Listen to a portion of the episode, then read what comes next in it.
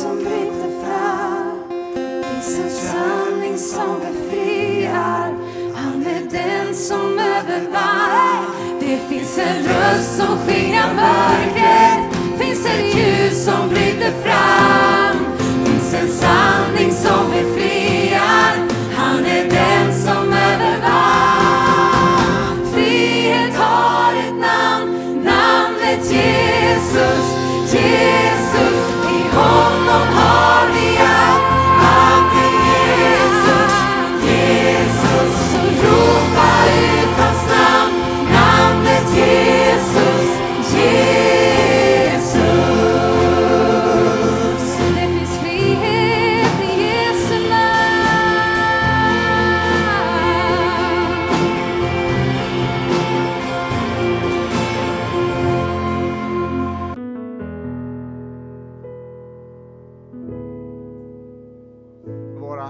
Axlar och så får vi bara ta emot av Guds närvaro när vi är tillsammans här på gudstjänst idag.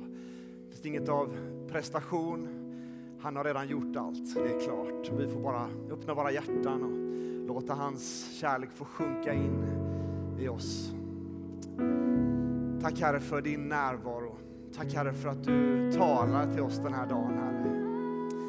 Tack att vi får ta emot av någonting som du har fullbordat för oss Jesus. Heligande, jag tackar dig för att du ska tala till våra hjärtan genom ditt ord den här stunden. Tack att du har redan börjat göra det och Herre, du vill att vi ska slappna av och ta emot av allt det goda som du har dukat upp för oss Herre. Tack för ditt fullbordade verk Jesus. Tack för din heliga Andes närvaro. Herre, förklara din kärlek till oss den här dagen. Tack Herre.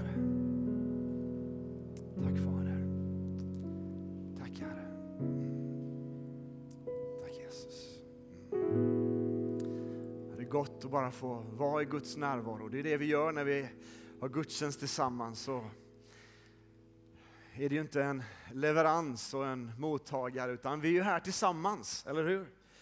Från olika håll så får vi öppna våra hjärtan, Guds ande är här, vi får sjunga härliga sånger, ledda av sådana här fantastiska människor. Förresten, vi får presentera Karina också. En eh, pianist som Josefina har med sig. Som egentligen har koll på allt det Josefina inte har koll på, men det har vi upptäckt nu den här helgen. Eh, Men det är underbart att få komma tillsammans till gudstjänst här. Det är härligt att se en del ansikten som jag inte har sett på ett tag. Verkligen gott att få mötas tillsammans på, på det här sättet. Ung och gammal. Vi ska läsa ett bibelord från Kolosserbrevet idag. Och jag ska tala om, om man säger en rubrik på det jag ska prata om idag, skulle kunna vara klädd av en skräddare. Ni vet vad en skräddare är? Någon som liksom har handsytt, just anpassat för oss, för dig. Och så tänker jag att det här ordet lite grann ska få sjunka in i oss. Och vi ska läsa ifrån Kolosserbrevet som sagt, eh, några verser och vi läser ifrån kapitel 3, vers 12 till 17. Texten kommer på väggen. Så här står det. Klä er därför som Guds utvalda, heliga och älskade. I innerlig barmhärtighet, godhet, ödmjukhet, mildhet och tålamod. Ha överseende med varandra och förlåt varandra om ni har något att anklaga någon för.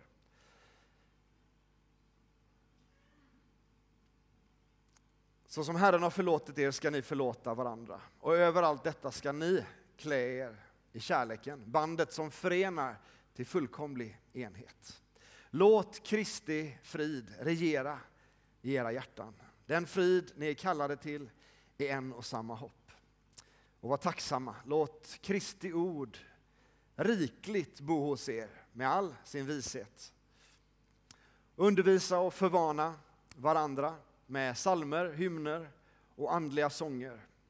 Och sjung till Gud med tacksamhet i era hjärtan. Allt vad ni gör i ord eller handling, gör det i Herren Jesu namn och tacka Gud Fadern genom honom. Jag vet inte när du sist förmanade någon med en, med en sång. Jag vet inte om det är så ni brukar jobba. Men det finns så mycket olika sätt att betjäna varandra på. och ge det som Gud har lagt ner i våra hjärtan, som vi får dela det med varandra. Det här är ju några ord som är skrivna till en församling från Paulus som har skrivit det här. Det är ett av fängelsebreven som Paulus skrev från fängelset i Rom. Eh, men Paulus har själv inte planterat den här församlingen i, i Kolosse. Det här är ju en stad som ligger i det som nu är Turkiet. Eh, det var en kille, en apostel, som heter Epafras. Har ni hört talas om honom? Det är en av mina favoriter. Han har nästan det coolaste namnet av alla. De är lite doldisarna i Nya Testamentet, men det var en av dem som var Eh, hangarounds runt Paulus och som var en apostel som planterade församlingar. Epafras. Läs om honom i Nya Testamentet. Det är en spännande kille. En kille som inte tar så jättemycket av uppmärksamheten men som har gjort mycket där i bakgrunden. Och han eh, har berättat lite grann för Paulus kring församlingen i Kolosser, deras styrkor, deras utmaningar. De lever ju i en eh, kultur där det är blandat med människor som bor.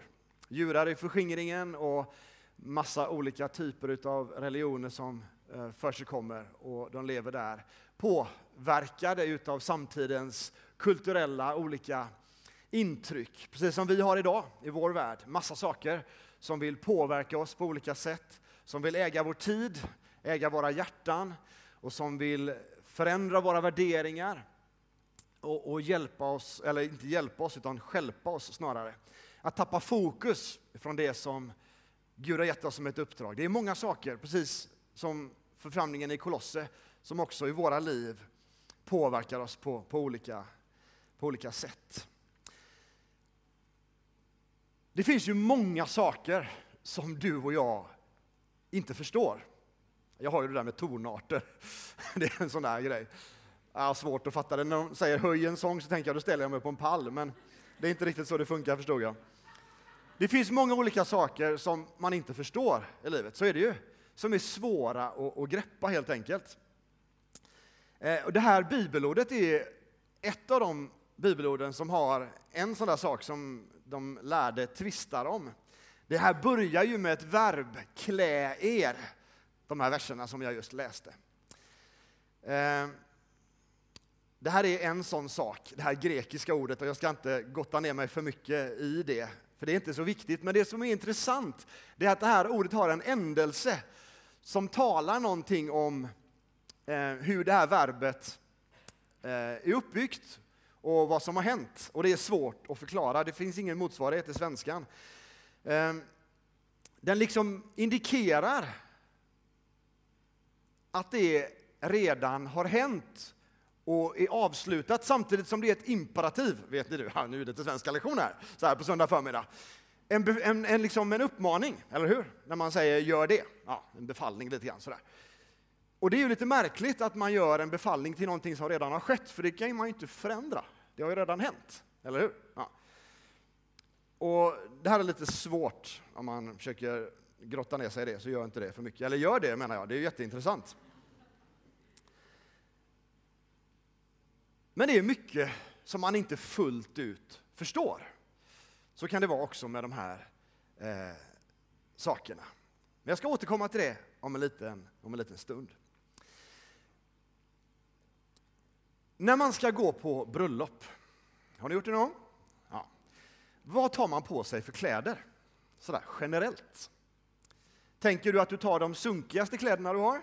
Nej, ska svaret vara på den frågan. Utan man tar ju givetvis någonting som är fint, eller hur? Som man tänker, på det här sättet blir jag en värdig gäst på den här bjudningen. Det är någon som har liksom ställt till med fina grejer, dukat med vita dukar och liksom, jag får gå på bröllop. Då klär man upp sig, eller hur? Om du tänker att kungen skulle gå på Nobelmiddag, det gör han va? Ja, oftast. Så kommer ju inte han i trasiga jeans. Eller? Jag, jag mötte en kvinna för ett par veckor sedan som sa Åh Anders, du har växt så, du har verkligen blivit så, så fin och duktig. Så här. Och så sa hon, kommer du ihåg när jag mötte dig för många år sedan? Då, det var ju då jag sa att du hade jeans på dig när du predikade. eh, nej, jag kommer inte ihåg att det var det som var det du sa. Att, det, att jag inte kunde ha jeans på mig när jag predikade. Det hade jag på något sätt tydligen lyckats passera mig sådär. Men det hade jag inte den här gången jag mötte henne då, så då var jag tydligen bra igen. Ja. Man kan ju predika även i badbyxor. om man nu är på stranden då, inte här skulle jag aldrig göra det. Men en del saker funkar och en del saker funkar sämre, eller hur? Det är vi överens om. Va? Kungen, Nobelmiddag, trasiga jeans, nej det funkar inte, eller hur? Men en frack eller en smoking i det sammanhanget sitter ju som klockrent, eller hur? Då liksom smälter man in och man känner att jag får vara bland de här gästerna. Ja, det, det passar liksom in.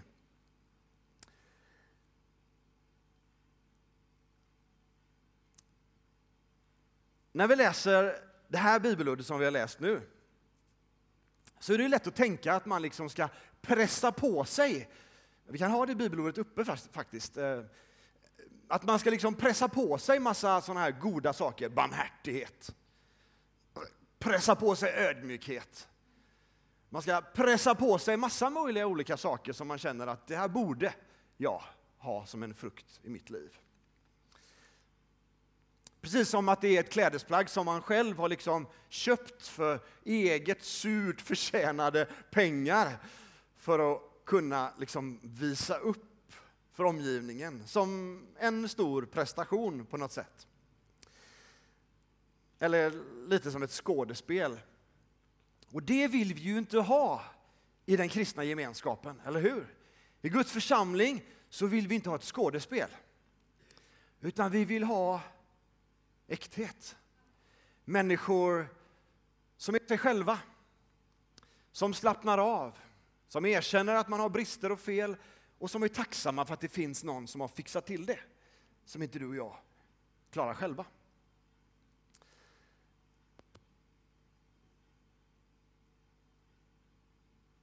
Om vi träffas och liksom, titta här på mina fina barmhärtiga kläder. Visst var det en bra sak jag gjorde? Ni vet det där med han som gav pengarna så alla såg, eller bad de fina bönerna som Jesus pratar om för att alla andra skulle liksom berömma den starka andligheten, eller vad det nu är för någonting. Det är ofta som vi missförstår saker, eller inte fullt ut förstår saker på rätt sätt. För det är mycket saker som man inte förstår. Var nu lite ärlig mot dig själv. Jag tror att det är så. Det är många saker som vi inte riktigt har fattat. Nu ska vi titta på det i den här texten som står innan kläderna. Ja, kläder har vi redan avhandlat. Vi kommer tillbaka till det strax. Det var det som hade hänt som vi skulle göra, fast det gick inte att göra för det hade redan skett. Ja. Innan det där med barmhärtighet och ödmjukhet så står det några ord som jag tänker är lite intressanta. Klä er därför som Guds utvalda, heliga och älskade. Och sen kommer kläderna. Vi är någonting. Därför ska vi klä oss. Utvalda, heliga, älskade. Vi ska fastna vid de orden en liten stund. Utvalda, heliga och älskade. Om man tänker utvalda först. Det här är ju kallad ut. Vi är människor som Gud har utvalt. Jag tror väldigt många av oss har varit i olika sociala situationer, skolan, fritiden, någonstans, arbetslivet kanske, när man ska välja ett lag. Har ni varit med på det, om det någon gång? Och så ställer man upp allihopa och så säger man liksom, ja men du är en bra ledare, du får liksom börja med att välja och så får du ta hand om och ropa till dig människor till ditt lag. Och så börjar man så här, ja jag vill ha Greta, jag vill ha eh, Mohammed, jag vill ha, ja. och, så, och så väljer vi människor till oss sådär. Väljer ut. Så kan man ju inte göra. För det är ju inte så bra. Det landar ju i att den som är sist kvar känner att man inte är utvald eller inte önskvärd i alla fall i första läget utan ja, ja, du får ta klabbet eller vad det nu finns för olika lokala uttryck för det där. Det vad man säger. Vad säger ni i Småland? Klabbet, ja, okej. Det var småländska. Jag kan småländska. Mm.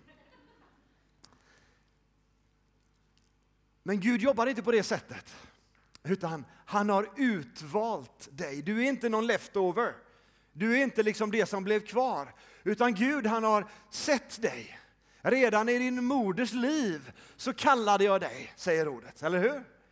Jesus han säger det att det är inte ni som har valt mig, även om ni trodde det. För ibland är det inte så lätt att förstå saker på rätt sätt. Utan det är jag som har utvalt er. Ja, men jag är ju inte så bra. Jag misslyckas ju. Men det är jag som har sett dig redan i moderlivet, säger Guds ord.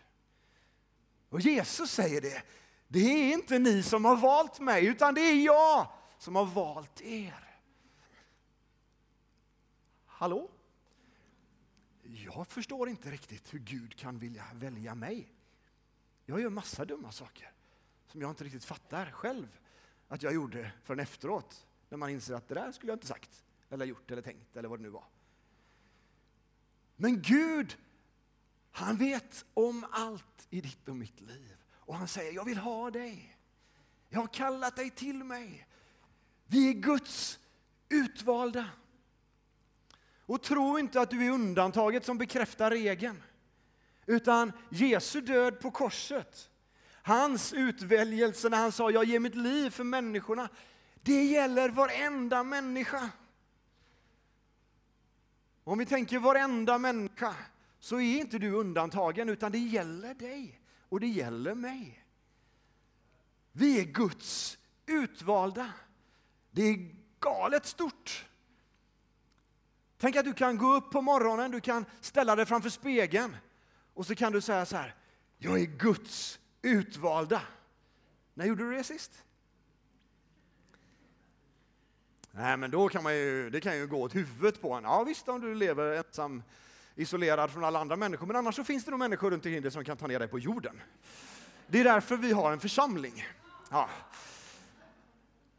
Jag tror att vi behöver inse vad Gud säger om oss. Och så behöver vi be den helige Ande om möjlighet att fatta det.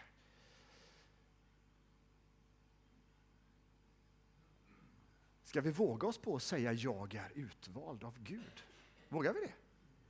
Ett, två, tre. Jag är utvald av Gud.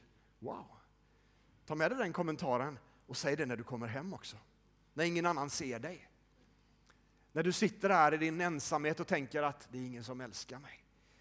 Så kan du ta fram den här sanningen ifrån Guds hjärta. Det är inget påhitt, utan du är Guds utvalda. Wow! Och nu kommer vi till nästa ord som är ännu mera osvenskt. Eller svårt. Ha. Heliga. Tror du att du är något eller? Ja, men det vore ju bra om vi trodde det. Eller hur? För Bibeln säger nämligen att vi är något. Inte för att vi har förtjänat det, jobbat ihop till det på något sätt. Utan därför att han har gjort oss heliga. Det är Kristus som är vår rättfärdighet. Det är han som har, utvalt oss och han som har heliggjort oss. Därför så på samma sätt så kan vi säga att vi är heliga. Inte i den här felaktiga bemärkelsen av att vi tror att vi är bättre än andra. Det har ingenting med värde att göra. Alla människor är lika mycket älskade och värda i Guds ögon. Men vi är Guds heliga. Och det gör någonting med mig när jag låter den sanningen få sjunka in i mitt läckande hjärta. Att vi är Guds heliga. Guds utvalda, Guds heliga. Att vara helig det betyder ju delvis att vara lite annorlunda, det ligger i ordets innebörd. Men det betyder också att man, man har liksom vänt sig bort från någonting för att vända sig till någonting annat. Avskild. Och Gud, han har avskilt oss.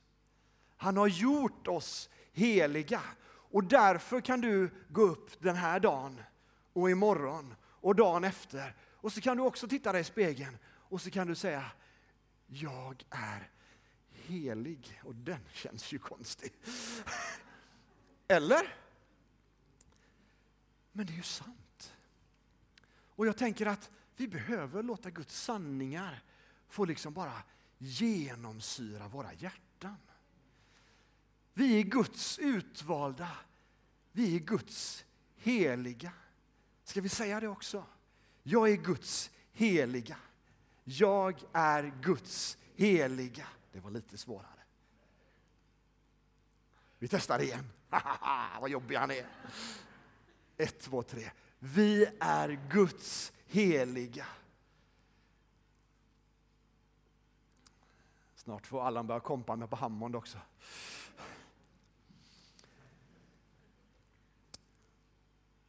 Skämt åsido. Vi behöver låta Guds sanningar sjunka in i våra hjärtan. Det Gud har sagt om oss, det är det som gäller. Och det gör någonting med oss. För det bygger inte på hur vi lyckas uppbåda de här sakerna, utan det bygger på det som hände på det där korset. Där Jesus sa att han gav sitt liv för dig och mig. Där allt är fullbordat för att du och jag ska kunna få till och med ta emot helande från våra sjukdomar. För att det är fullbordat. För att du och jag ska kunna ta emot upprättelse när vi faller. För att det är fullbordat. För att du och jag ska kunna få hopp när vi känner att hoppet rinner ut och den mänskliga liksom, delen av oss vill ta över i våra liv. Så är det fullbordat och hans ande kan tända hoppet på nytt i våra hjärtan. Och så har vi det där sista, det sista ordet i den här trippen. Att vi är Guds älskade. Ett sånt begrepp som är så kanske urvattnat i vår tid. Vad är det att älska någon? Men det här är ju det där grekiska ordet ni vet som inte är för medmänsklig kärlek eller för erotisk kärlek utan för den utgivande kärleken. Det här är agape-ordet. Vi är Guds dyrt älskade barn. Vi är de som han har älskat. Inte för att vi har gjort en massa bra saker, utan vad är det det står? Redan innan vi hade gjort en enda god sak eller tänkt en enda from tanke, så gav han sitt liv för oss. När vi var syndare, då gav Jesus sitt liv för oss. Vi är Guds älskade. Vi är Guds älskade. Det här är någonting som händer i Kristus. Jag ska alldeles strax landa ner i den här predikan. Och vi ska få ha en stund när vi låter Guds sanningar få sjunka in i oss och där du får i ditt hjärta tacka Jesus för att du är utvald av honom. För att du är heliggjord och för att du är älskad utav honom med hans utgivande kärlek.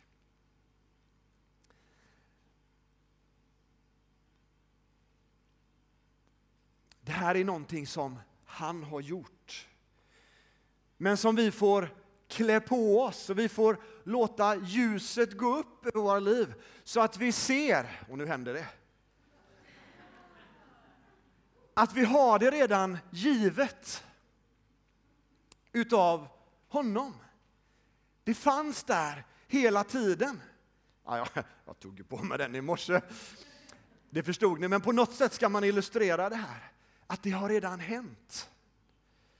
Gud har redan fullbordat det, det fanns redan där. Innan jag gjorde någonting annat än att öppna mitt hjärta så fick jag inse att han är den som har utvalt mig. Du kommer hit den här dagen, kanske till den här gudstjänsten med olika saker som har hänt den här veckan eller den sista perioden i ditt liv. Och du känner att du är exkluderad eller bortskuffad eller på bänken eller de som är kvar när Gud väljer ut de som är duktiga.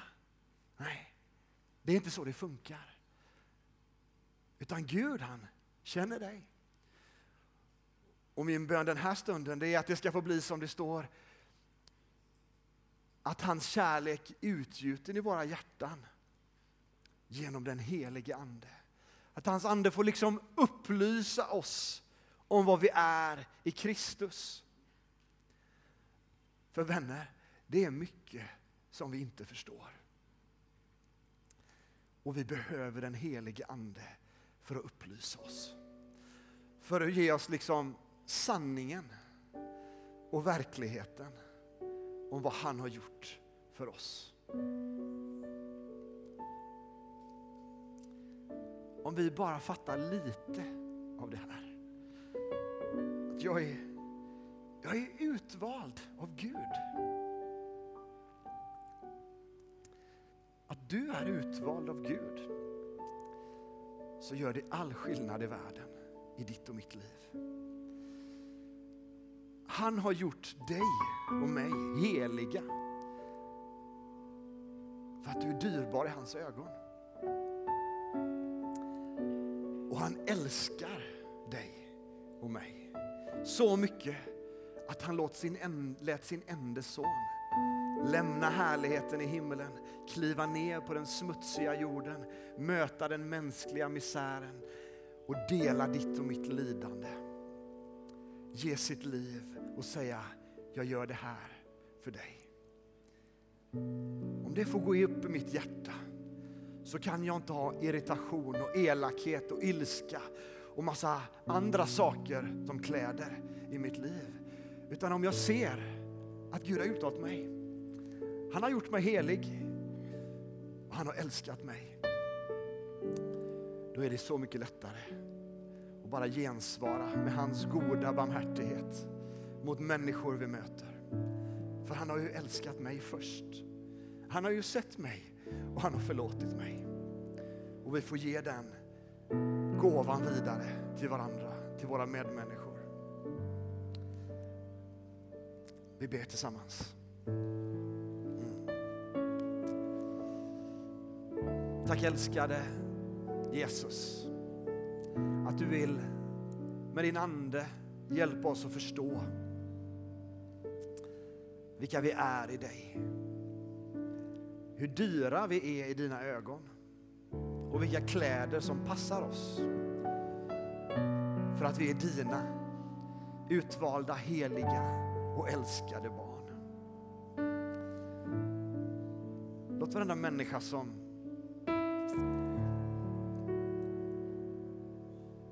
är med den här stunden på något sätt eller i efterhand få se en liten glimt av din barmhärtighet över våra liv för att vi själva ska kunna vara barmhärtiga. Du har visat oss nåd. Vi får ge nåd vidare. Du har gjort oss heliga. Vi får sträva efter helgelse och överlåta våra liv till att leva rent och överlåta dig. Därför att du först har älskat oss. Tack helige Ande för din närvaro och det du har tänkt att göra den här stunden. Tack Fader.